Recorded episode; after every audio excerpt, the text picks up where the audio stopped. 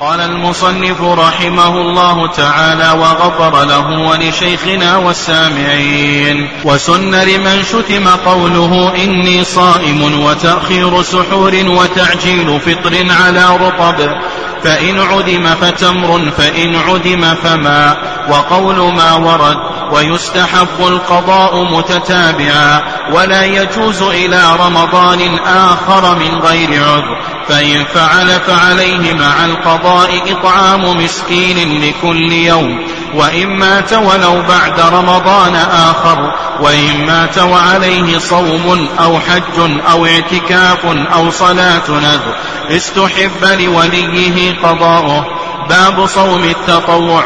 يسن صيام أيام البيض والإثنين والخميس وست من شوال وشهر المحرم وآكده العاشر ثم التاسع وتسع ذي الحجة ويوم عرف لغير حاج بها وأفضله صوم يوم وفطر يوم ويكره إفراد رجب والجمعة والسبت والشك وعيد, وعيد للكفار بصوم ويحرم صوم العيدين ولو في فرض وصيام أيام التشريق إلا عن دم, عن دم متعة وقران ومن دخل في فرض موسع حرم قطعه ولا يلزم في النفل ولا قضاء فاسده إلا الحج. بسم الله الرحمن الرحيم. إن الحمد لله نحمده ونستعينه ونستغفره ونعوذ بالله من شرور أنفسنا ومن سيئات أعمالنا. من يهده الله فلا مضل له ومن يضلل فلا هادي له. وأشهد أن لا إله إلا الله وحده لا شريك له وأشهد أن محمدا عبده ورسوله. اللهم صل وسلم وبارك على نبينا محمد. تقدم لنا شيء من مكروهات الصيام. وذكر المؤلف رحمه الله ما يتعلق بمكروهات الصيام وأن من هذه المكروهات جمع الريق وكذلك أيضا ذوق الطعام ذكرنا التفصيل فيه وكذلك أيضا مضغ العلك القوي الذي لا يتحلل إلى آخره. ثم بعد ذلك ذكر المؤلف رحمه الله تعالى ما يتعلق بمستحبات الصيام فقال المؤلف في درس اليوم وسن لمن شتم قوله إني صائم. يقول المؤلف رحمه الله يسن لمن شتم أي سب وقدح فيه. من سب وقدح فيه يستحب له أن يقول إني صائم وألا يقابل من سبه بالمثل. نعم ألا يقابل من سبه بالمثل. إيه نعم. هنا إيه يا شيخ. طيب. ألا يقابل من سبه بالمثل. ودليل ذلك نعم دليل ذلك أن النبي صلى الله عليه وسلم قال فإن سابه أحد أو قاتله فليقل إني امرؤ صائم.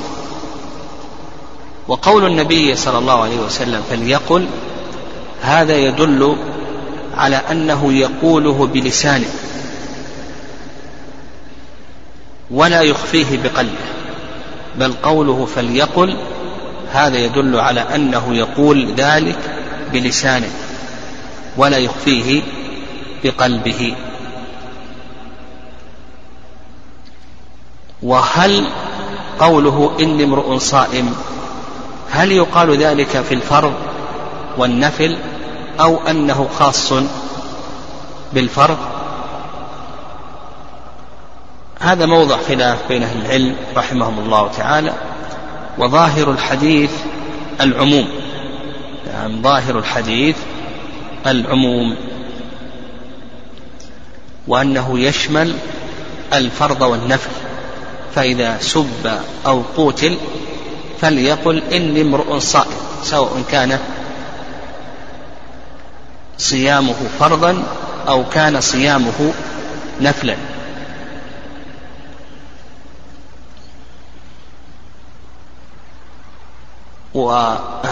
والحكمة من قوله إني امرؤ صائم لكي يبين هذا الذي حصل له هذا القدح والسب أنه لا يقابل بالمثل ليس لعجزه وإنما لأنه متلبس بهذه العبادة العظيمة.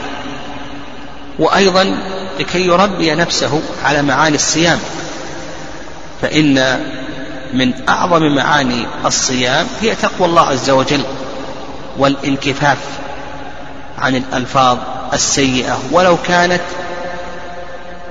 في مقابلة الآخرين ينكف عن ما نهى الله عز وجل ولو كان ذلك على سبيل المقابلة.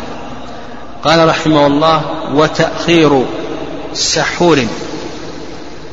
أيضا يقول المؤلف رحمه الله تأخير السحور.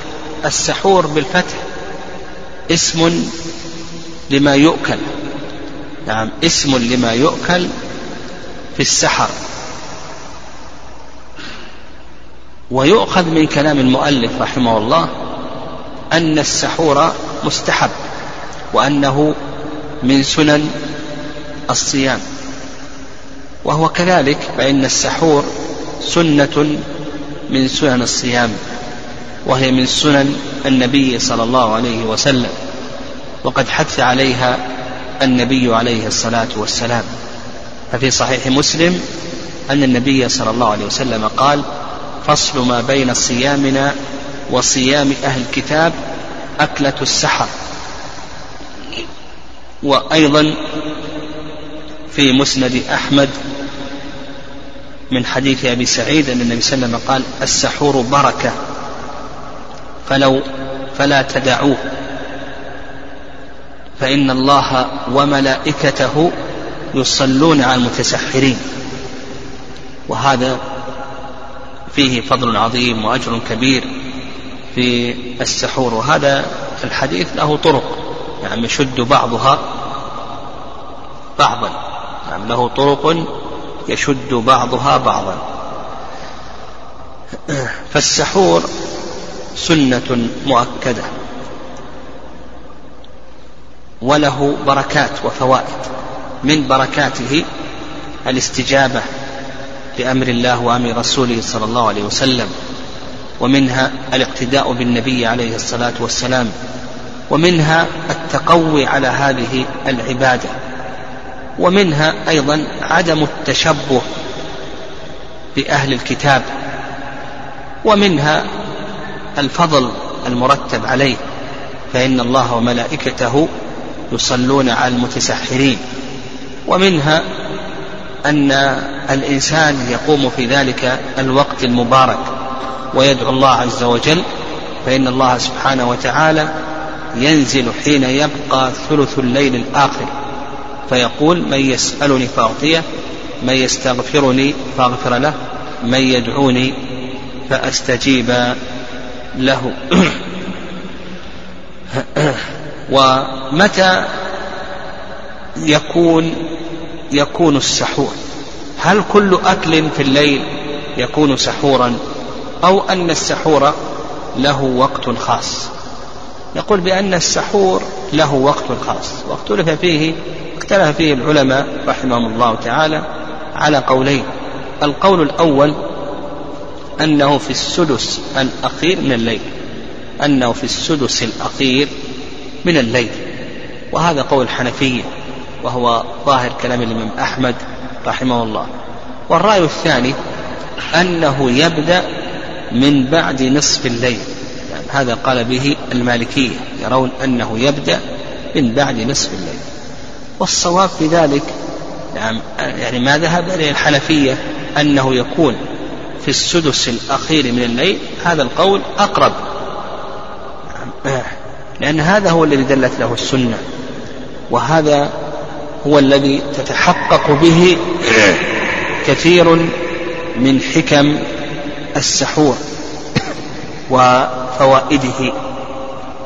نعم.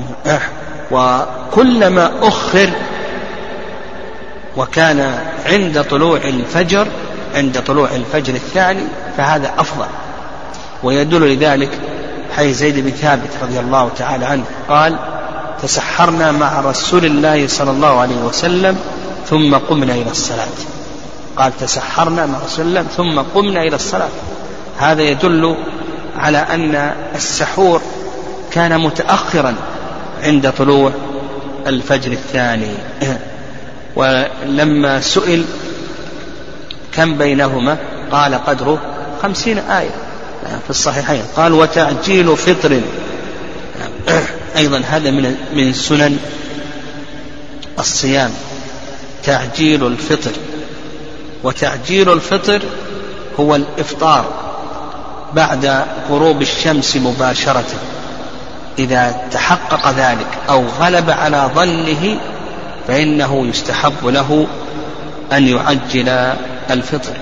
ويدل ذلك ما ثبت في الصحيحين أن النبي صلى الله عليه وسلم قال لا ينزال الناس بخير ما عجل الفطر. تقدم لنا بالأمس حديث أسماء رضي الله تعالى عنها أنهم أفطروا على عهد رسول الله صلى الله عليه وسلم في يوم غيم. نعم. ثم طلعت الشمس. هذا يدل على النبي صلى الله عليه وسلم لما ظن غروب الشمس بادر عليه الصلاة والسلام بالإفطار أنهم أفطروا في يوم غيم قال وتعجيل فطر فيستحب أن يعجل الفطر كما تقدم لنا أن تعجيل الفطر يكون بعد الغروب إذا تحقق ذلك أو غلب على ظنه أن الشمس غربت. قال رحمه الله على رطب يعني على رطب. وهذا يعني القول بتعجيل الفطر. يعني عند جماهير العلماء أنه يكون قبل الصلاة وإن خالف بعض المالكية قال بأنه يكون يكون فطر بعد الصلاة. لكن هذا خلاف السنة خلاف ما ورد عن الصحابة رضي الله تعالى عنهم. يعني خلاف ما ورد عن الصحابة رضي الله تعالى عنهم.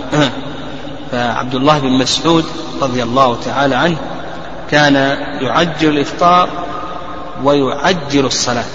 فقالت عائشة هكذا كان رسول الله صلى الله عليه وسلم يصنع. قال على رطب. هذا هو الأفضل أيضا هذا من سنن الصيام.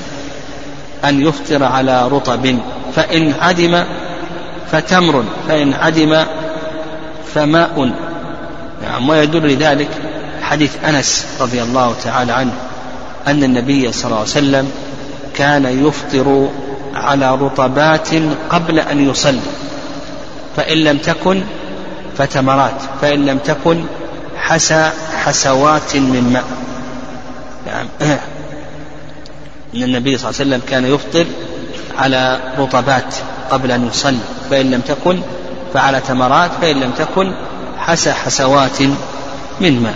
وهذا الحديث صححه الدار قطني وحسنه الترمذي يعني رواه أبو داود والترمذي وغيرهما وحسنه الترمذي وصححه الدار قطني. طيب فإن لم نجد شيئا نعم لم نجد شيئا فينوي الإفطار.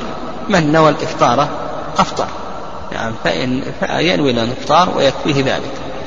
قال وقول ما ورد. نعم. وقول ما ورد. الوارد ليس خاصا في الصيام. التسمية هذه عند كل أكل سواء كان للإفطار أو غيره. كذلك أيضا الحمدلة هذا هذه ليست خاصة بالصيام يعني أن يسمي في أول إفطاره وأن يحمد الله في آخر إفطاره. كذلك أيضا الدعاء يعني يستحب له أن يدعو الله عز وجل لحديث أنس رضي الله تعالى عنه ثنتان لا تردان وذكر منهما الدعاء عند الفطر. يعني فيستحب أن يدعو الله عز وجل. أما قول اللهم لك صمت وعلى رزقك أفطرت اللهم تقبل مني إنك أنت السميع العليم إلى آخره. فهذا جاء في حديث ابن عباس رضي الله تعالى عنهما عند الطبراني وهو ضعيف لا يثبت عن النبي صلى الله عليه وسلم. وأيضا حديث ابن عمر ذهب الظمأ وابتلت العروق وثبت الأجر إلى آخره. أيضا هذا فيه ضعف. نعم هذا فيه ضعف. فنقول الإنسان يقتصر على ما ورد عن النبي صلى الله عليه وسلم. قال رحمه الله ويستحب القضاء متتابعا. كذلك أيضا يعني يستحب في رمضان الجود. والكرم وكثرة قراءة القرآن. ويدل لذلك حديث ابن عباس رضي الله تعالى عنهما قال كان رسول الله صلى الله عليه وسلم أجود الناس وكان أجود ما يكون في رمضان حين يلقاه جبريل فيدارسه القرآن. فلرسول الله صلى الله عليه وسلم أجود بالخير من الريح المرسل فنقول الكرم والجود وكثرة قراءة القرآن وملازمة المساجد كما كان عليه السلف الصالح رحمهم الله تعالى وكذلك أيضا من السنن المستحبات الاعتكاف كما سيأتينا إن شاء الله. هذه السنن المستحبات ينبغي لطالب العلم عموما على وجه الخصوص والمسلم عموما أن يحافظ عليها. قال ويستحب القضاء متتابع. لما تكلم المؤلف رحمه الله عن أحكام الأداء شرع في أحكام القضاء. قال يستحب القضاء متتابعا. يعني هل يجب هل تجب الفورية في قضاء رمضان أو يجوز التأخير في قضاء رمضان؟ أكثر أهل العلم أن أن الفورية مستحبة وأن التأخير جائز أنه جائز. هذا ما عليه كثير أو أكثر أهل العلم رحمهم الله. إلا أن الشافعية يقولون إذا أفطر لغير عذر فإنه يجب عليه أن يبادر. يعني إذا أفطر لغير عذر يجب عليه أن يبادر. والجمهور أن قضاء رمضان على التراخي ويدل لذلك قول الله عز وجل فعدة من أيام أخر. وهذا يشمل كل الأيام. وأيضا حديث عائشة رضي الله تعالى عنها قالت كان يكون علي الصيام من رمضان فلا أقضيه إلا في شعبان لمكان رسول الله صلى الله عليه وسلم. هنا أخرت عائشة رضي الله تعالى عنها. فنقول بأن التأخير التأخير بأن قضاء رمضان على التراخي لكن لا يجوز له أن يؤخر إلى أن يأتي رمضان الثاني كالصلاة. لا يجوز له أن يؤخرها حتى يأتي وقت الصلاة الثانية. فنقول لا يجوز له أن يؤخر حتى يأتي رمضان الثاني. بل له أن يؤخر إلى رمضان الثاني. فإذا بقي عليه من رمضان الثاني أيام بقدر الأيام التي عليه فإن هذا لا بأس به. لكن لا يؤخر فوق ذلك. قال طيب وقوله متتابعا يؤخذ من كلام المؤلف رحمه الله أنه لا يجب آه، التتابع لأنه قال يستحب القضاء متتابعا. يؤخذ من كلام المؤلف أنه إذا تابع فهذا حسن يعني سردها سردا وإن فرقها فإن هذا جائز ولا بأس به. وهذا قول جماهير العلماء رحمهم الله خلافا لما ذهب إليه ابن حزم أنه يجب التتابع. يعني يجب التتابع. والصواب ما عليه الجمهور لأن الله سبحانه وتعالى قال فعدة من أيام أخر. وأطلق الله عز وجل فيطلق ما أطلقه الله. الله عز وجل ما قال عدة من أيام أخر متتابعة. يعني فيبقى المطلق على إطلاقه مع أنه ورد ذلك يعني التفريق هذا وارد عن الصحابة رضي الله تعالى عنهم. نعم هذا وارد عن الصحابة رضي الله تعالى عنهم كمعاذ بن جبل وأبي هريرة معاذ بن جبل وأبي هريرة وابن عباس ورافع بن خديج وغيرهم. قال ولا يجوز إلى رمضان آخر من غير عذر. يعني لا يجوز أن يؤخر إلى أن يأتي رمضان الثاني من غير عذر. ويدل لذلك حيث عائشة رضي الله تعالى عنها قالت كان يكون علي الصيام فلا أقضيه إلا في شعبان لمكان الرسول صلى الله عليه وسلم. فعائشة أخرت إلى أن جاء شعبان ولم تؤخر إلى ما بعد رمضان الثاني مما يدل على أن أن هذا التأخير إنما يجوز إلى رمضان الثاني. وكما ذكرنا أيضا كما أنه لا يجوز لك أن تؤخر الصلاة إلى أن يأتي وقت الصلاة الأخرى. يعني لا تؤخر الصلاة حتى يأتي وقت الصلاة الأخرى. وقال المؤلف من غير عذر فإن كان لعذر كمرض ونحو ذلك أو نسيان أو جهل ونحو ذلك هذا معفو عنه هذا معفو عنه. قال فإن فعل فعليه مع القضاء إطعام مسكين لكل يوم. إذا أخر قضاء رمضان حتى جاء رمضان الثاني فهذا لا يخلو من أمرين. الأمر الأول أن يكون لعذر فهذا لا شيء عليه كما لو استمر به المرض فنقول هذا لا شيء عليه.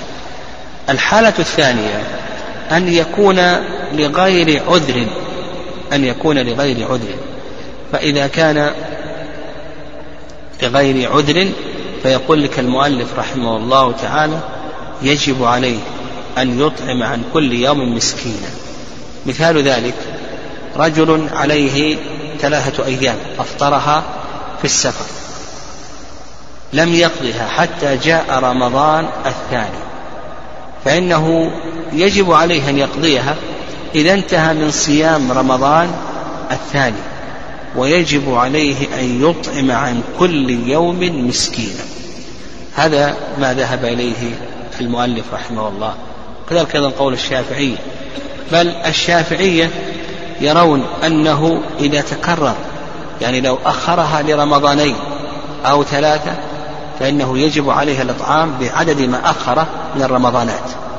فمثلا على رأي الشافعية أخرها في الرمضان الأول ثلاثة أيام يجب أن يطعم ثلاثة مساكين.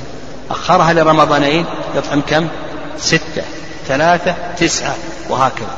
أما الحنابلة فلا يرون أنها تتكرر عليه الكفارة. حتى لو أخرها لعدة رمضانات يجب عليه أن يطعم عن كل يوم مسكينا.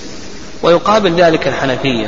أما الحنفية يقولون بأنه لا يجب عليه أن يطعم وإنما يجب عليه أن يقضي فقط. ويستدل الحنفية بأن بأن الله سبحانه وتعالى قال فعدة من أيام أخرى يعني فعدة من أيام أخرى وكذلك أيضا قالوا بأنه ورد عن ابن مسعود أنه أمر بالقضاء ولم يرد أنه أمر بالصيام بالكفارة. أمر بالقضاء بن مسعود ولم يرد أنه أمر بالكفارة. وأما الشافعية والحنابلة قالوا تجب الكفارة عن كل يوم استدلوا على ذلك بوروده عن أبي هريرة بن عباس يعني بأسانيد صحيحة. نعم وارد ذلك عن أبي هريرة وابن عباس بأسانيد صحيحة. والذي ينظر إلى ظاهر القرآن يقول ما يجب عليه شيء. لأن الله عز وجل قال فعدة من أيام أخر. فظاهر القرآن أنه ما يجب عليه شيء. لكن نقول الأحوط ما دام أنه ورد عن الصحابة رضي الله تعالى عنهم فنقول الأحوط أن يطعم هذا الأحوط. لكن الإلزام يعني الإنسان قد يتوقف في الإلزام في الإلزام. قال رحمه الله وإن مات. قبل ذلك ذكر المؤلف رحمه الله تعالى أنه يجب أن يطعم عن كل يوم. آه، نعم. آه، ذكر المؤلف رحمه الله تعالى أن قضاء رمضان على يستحب فيه التتابع ولا يجب التتابع. يؤخذ من هذا أن قضاء رمضان على التراخي ويؤخذ منه أيضا. هل يؤخذ منه أنه يجوز لك أن تتطوع قبل قضاء رمضان؟ وهذه مسألة يسأل عنها كثير من الناس. هل يجوز أن يصوم عاشوراء إذا كان عليه قضاء رمضان؟ هل يجوز أن يصوم يوم عرفة إذا كان عليه قضاء رمضان؟ أو نقول بأن هذا لا يجوز. المشهور من المذهب أنه لا يجوز لك أن تتطوع بالصيام إذا كان عليك قضاء بل يجب عليك أن تبدأ بالقضاء ولا يجوز لك أن تتطوع. ويستدلون بحديث ابن عباس اقضوا الله فالله أحق بالوفاء اقضوا الله فالله أحق بالوفاء. والرأي الثاني نعم الرأي الثاني رأي الحنفية والمالكية أنه يجوز لك أن تتطوع. لا بأس أن تتطوع قبل قضاء رمضان. لأن الله عز وجل قال فعدة من أيام أخر. وما دمنا نقول بأن صيام رمضان على بأن قضاء رمضان على التراخي مقتضى ذلك أنه يجوز لك أن تتطوع. نعم يجوز لك أن تتطوع. ما دام أن الوقت موسع مثل الصلاة الفريضة. ما دام أن الوقت موسع يجوز لك أن تصلي. ركعتين أربع ركعات إلى آخره قبل الفريضة. وهذا القول هو الصواب. نعم هذا القول هو الصواب. لا بأس. لو تطوع قبل القضاء لا بأس. لكن هذا يستثنى يستثنى منه صيام ست من شوال كما سيأتينا إن شاء الله. فصيام ست من شوال يأتينا أن الإنسان إذا أراد أن يصومها فلا بد أن يقضي أولا لأنه لا يصدق عليه أنه صام رمضان إلا إذا صام هذه الأيام قبلها. قال رحمه الله وإن مات ولو بعد رمضان آخر وإن مات ولو بعد رمضان آخر. نعم. يعني يقول لك المؤلف رحمه الله وإن مات يعني إذا أخر القضاء لغير عذر. ومات. فيقول لك المؤلف رحمه الله فإنه يطعم عنه. حتى لو كان بعد رمضان ثان إلى آخره نطعم عنه عن كل يوم مسكينا. يعني نطعم عنه عن كل يوم مسكينا. وتكلمنا عن الإطعام لكن مسألة إذا مات وعليه صيام هل يصوم عنه وليه؟ أو نقول بأن وليه لا يصوم لا يصوم عنه. تكلم عليها المؤلف رحمه الله تعالى. قال وإن مات وعليه صوم أو حج أو اعتكاف أو اعتكاف أو صلاة ندر استحب لوليه قضاء. إذا مات وعليه صيام. فإن هذا الصيام لا يخلو من أمرين. الأمر الأول أن يكون الصيام واجبا بأصل الشرع كرمضان. الأمر الثاني أن يكون الصيام واجبا بالنذر كما لو نذر. إن كان الصيام واجبا بأصل الشرع. مثل صيام رمضان صيام الكفارة صيام المتعة. فمن لم يجد فصيام ثلاثة أيام في الحج وسبعة إذا رجعت. ما صام السبع حتى مات. عليه قضاء رمضان لم يصمها حتى مات. الكفارة. نعم. لم يستطع أن يكفر بالمال اعتاق رقبة انتقل للصيام ما صام حتى مات. لم يصم حتى مات. هل لوليه أن يقضيه عنه؟ يعني هذا الصيام الواجب بأصل ماذا؟ ها؟ بأصل الشرع. فهل لوليه أن يقضيه عنه؟ أو نقول بأن وليه لا يقضيه عنه. يعني وجب عليه الصيام. تمكن من القضاء ولم يقضي أما إذا ما تمكن ما عليه شيء. وجب عليه صيام الكفارة. وجب عليه صيام المتعة. تمكن. ولم يقضي ولم يصم. أما إذا ما تمكن فهذا لا شيء عليه. ثم مات. فهل لوليه أن يقضيه عنه؟ ونحن نقول تمكن إيه، يخرج من هذا الصورة. لا يشترط فيها التمكن. وهي الصورة هذه. وهي إذا أفطر لمرض لا يرجى برؤه أو لكبر. لأنه هنا, هنا لا يطالب بالقضاء. الواجب عليه ماذا؟ ها؟ الإطعام. دم الإطعام فهنا يطعم عنه الولي لكن لو قال الولي أنا أريد أن أصوم. لعل هذه نأجلها المسألة هذه. لكن عندنا الآن المسألة الموجودة الآن صيام وجب بأصل الشرع كقضاء تمكن منه ولم يقضي. لو استمر به المرض مرض في رمضان وأفطر ثلاثة أيام واستمر به المرض حتى مات. هنا ما يجب عليه شيء. تمكن من صيام الكفارة تمكن من صيام المتعة إلى آخره. فهل يجب على وليه آه نعم هل يشرع لوليه أن يقضيه عنه أو نقول بأنه لا يشرع أن يقضيه عنه؟ المشهور من المذهب أن الصيام الواجب بأصل الشرع لا يشرع لوليه أن يقضيه عنه ولكن ماذا؟ إن خلف تركة يطعم. نعم إن خلف تركة يطعم. وهذا قول جماهير العلماء ليس الحنابلة فقط. بل جمهور العلماء رحمهم الله تعالى يقولون ما وجب بأصل الشرع لا يشرع لوليه أن يقضيه عنه. نعم أن يقضيه عنه. لكن الحنابلة يقولون يطعم. يطعم عن كل يوم مسكين. والمالكية والحنفية يقولون يطعم إن أوصى بالقضاء إن كان هناك وصية. أما إذا لم يكن وصية لا يطعم. نعم يقول إن كان هناك وصية لا يطعم. وكذلك أيضا الشافعية يقولون بأنه يطعم. فعندنا جمهور ماذا؟ يقولون بأنه لا يصام عنه لكن ماذا؟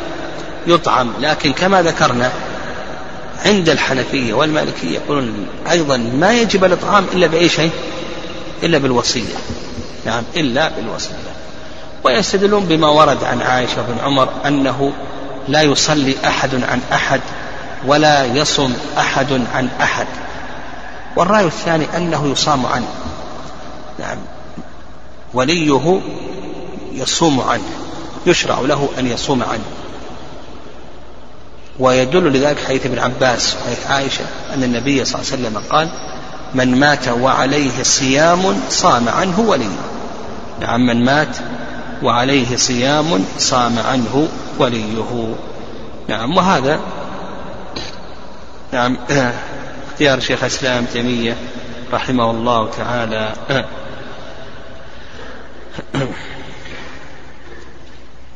نعم وقول الظاهرية. نعم قول الظاهرية وهذا القول هو الصواب الحديث ظاهر في ذلك. لكن هل يجب على وليه أن يصوم عنه؟ أو نقول بأن وليه لا يجب عليه أن يصوم عنه؟ ها؟ نقول إن خلف تركة فيجب على وليه إما أن يطعم وإما أن يصوم. إن لم يخلف تركة فنقول يستحب لوليه أن يطعم أو أن يصوم. طيب ومن هو الولي؟ نعم من هو الولي؟ نعم. الولي هو الوارث. نعم الولي هو الوارث. فوليه هو وارثه. وقيل بأن الولي هو كل قريب. وقيل بأن الولي هم عصبته والصحيح أنه شامل. الصواب أنه شامل. فإذا صام عنه أحد من العصبة أو من أحد أقاربه أو صام عنه وارثه أجزل بل لو صام عنه أجنبي علم أن جاره قد مات ثم صام عنه فنقول بأن هذا مجزئ. إن شاء الله. قال رحمه الله وإن مات وعليه صوم أو حج أو اعتكاف أو صلاة نذر استحب لوليه قضاءه. نحن تكلمنا عن الصيام الواجب ها؟ بأصل الشرع. هنا شرع المؤلف رحمه الله عن الصيام الواجب بأصل النذر. لو أنه نذر أن يصوم وتمكن من الصيام. قال لله علي أن أصوم شهر الله المحرم. تمكن ثم لم يصم حتى مات. يقول لك المؤلف رحمه الله يستحب لوليه أن يقضيه عنه. وهذا هو المشهور من المذهب. فنفهم أن الحنابلة يفرقون بين ماذا؟ بين الواجب بأصل الشرع والواجب بالنذر. أما الجمهور فلا يرون أنه يصام عنه حتى ما وجب بالنذر لا يرون أنه يصام عنه نعم حتى ما وجب بالنذر. هذا رأي جمهور أهل العلم.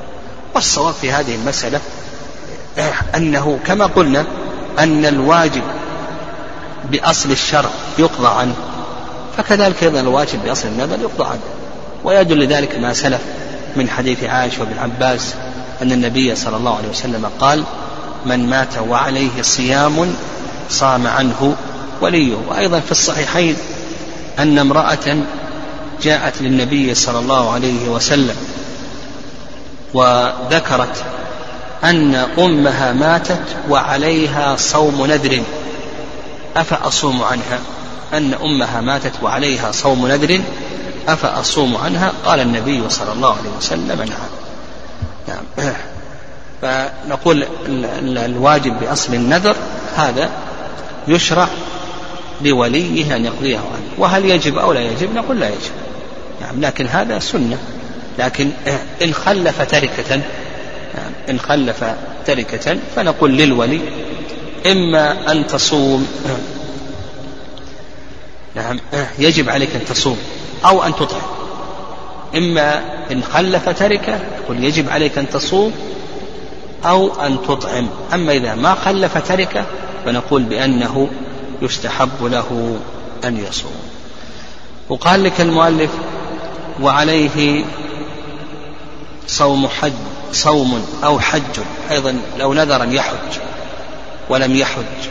أيضا نقول يشرع لوليه أن يقضيه عنه لكن إن خلف تركة يجب. نعم يجب أن يقضيه من التركة أو أن ينيب إلى آخره. أو اعتكاف أو صلاة نذر أن يعتكف ولم يعتكف. فنقول يستحب لوليه أن يقضيه عنه. أو نذر أن يصلي قال لله علي أن أصلي ركعتين ثم مات ولم يصلي هاتين الركعتين. يقول يستحب لوليه أن يقضيه عنه نعم. وهذا يعني الحنابلة توسعوا في مسألة النذر. يعني توسعوا في مسألة النذر خلافا لجمهور العلماء رحمهم الله فإنهم لا يستحبون ذلك. قال رحمه الله تعالى وأيضا لا بد أن نفهم أن هذا إذا أمكنه مثل هذا. يعني قال لله علي أن أصلي ركعتين وتمكن أن يصلي ركعتين ثم مات. مثل الاعتكاف ومثل الحج إلى آخره. أما إذا ما أمكنه ها فهذا وش الحكم نقول بأنه لا شيء عليه.